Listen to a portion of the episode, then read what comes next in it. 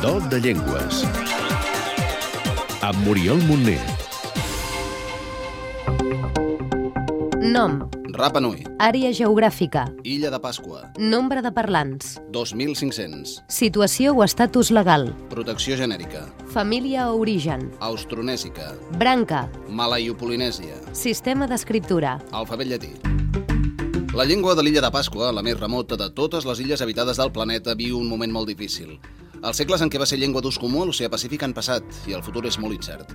Eva Monrós, membre del grup d'estudis de llengües amenaçades. Clar, són 2.000 parlants allà a l'illa de Pasqua que conviuen amb uns altres 2.000 aproximadament que han vingut de fora, que han vingut del continent i que només parlen espanyol, de manera que ens trobem els parlants nadius parlen rapanui i a més a més espanyol i els que han vingut de fora només parlen espanyol. Hi ha pocs motius, doncs, per ser optimista. Arturo Frontier és professor de Rapanui. No, no muy optimista, la verdad de las cosas. Que se habla el, el idioma. Se estima que de la población de 5.000 habitantes que tiene la isla en este momento, de que la hablen, hablen, yo creo que un- mucho menos, una tarifa de unos 700, que son generalmente personas de mucha edad, yo diría una lengua un poco agonizante. La llengua té poca presència a l'àmbit oficial i als mitjans de comunicació, però s'ensenya a les escoles i fins i tot des de fa 7 anys té una acadèmia de la llengua.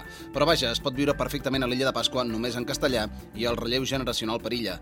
El fet que tingui poquíssims parlants i les reduïdes dimensions de l'illa fan que el rapanui sigui molt homogeni i no tingui variants dialectals. Algunes curiositats, Sabíeu que el rapanui ha fet una aportació de primera magnitud a la toponímia universal? No us heu preguntat mai per què l'oceà Pacífic es diu així? Doncs els europeus van preguntar-ho als habitants de l'illa de Pasqua, com en deien. Aquesta és la resposta. Preguntaron cómo, siempre por curiosidad cómo se llama el mar. Pero resultaba que hay un gran navegante, el- digamos el Colón, por ponerlo así, del- de los polinesios, se llamaba Kiva, Moana Nui Kiva, que sería el gran mar de Kiva. Al, al traducirlo los españoles le pusieron bueno, el gran mar del de Pacífico, porque el Kiva eh, eh, significa Pacífico. Els ho devem a ells, doncs, a una gent que en alguns moments van arribar a ser només 111 persones a l'illa de Pasqua a causa de les malalties dels conqueridors i l'esclavatge que els van sotmetre. El rapanui és una llengua radicalment diferent de la nostra pel que fa a la concepció i l'estructura. La forma del derivado del Rapa Nui es único en todo el mundo. Es una lengua muy completa, que es metafórico total, y nosotros necesitamos varias palabras para introducir un concepto de ello, un concepto milenario de ello. El rapanui era l'única llengua polinèsia que tenia un sistema d'escriptura abans que els europeus hi arribessin. L'única. Se'n diu rongo-rongo o tauleta parlant i encara avui és una incògnita. Això eren unes tauletes de fusta, es diuen que ho gravaven amb, amb una dent de tauró. Dibuixos, o sigui, eren, era una escriptura de tipus jeroglífic i el que s'hi veuen doncs, són dibuixos doncs, d'animals, de plantes, una escriptura que no s'ha pogut desxifrar. El rongo-rongo s'escrivia en escriptura bustrofèdica inversa. Comença escrivint d'esquerra a dreta i quan arriba al final d'una línia, la següent línia la fa la de, de dreta a esquerra. Va fer com el moviment que fan els bous quan llauren un camp, L'abecedari del rapanui el formen només 14 lletres, 9 consonants i 5 vocals, que poden ser curtes o llargues. I no és que els rapanui siguin uns maleducats, però...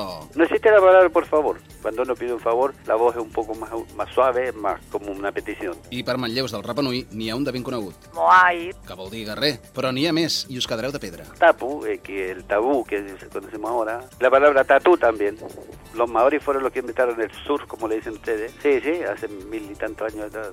I aquí van alguns sons típics d'una llengua farcida de diftongs. Jaía, que es un fruto, algo así como un níspero, una cosa así. Una... Jaía. Son dos A, una I con apóstrofe y una A final con acento. Quatre pinzellades de la llengua, Els rapanui de la seva llengua en diuen llengua sàvia. Heredero maori, La llengua sàvia economitza molt. Això serveix tant per dir hola com bon dia com adeu.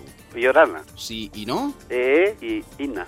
i dir t'estimo a les illes del Pacífic. Hangatu, Kiakoe. Els números de l'1 al 10, Kataji, Karua, Katoru, Kaha, Karima, Kaono, Kahitu, Kava, Kaiva, Angahur, gràcies per la lliçó. Maururu. Per saber-ne més. Podeu visitar els webs linguamont.cat, etnolog.com, gela.cat, linguislis.org o omniglot.com i també facebook.com barra do de llengües. Cada cop que desapareix una llengua, perdem una manera d'entendre el món, una manera de viure'l i de descriure'l. Cada cop que desapareix una llengua, ens fem més pobres, més homogenis i perdem una oportunitat d'enriquir-nos amb l'aportació de l'altre. Aquest espai es fa amb el suport de Linguamont, Casa de les Llengües.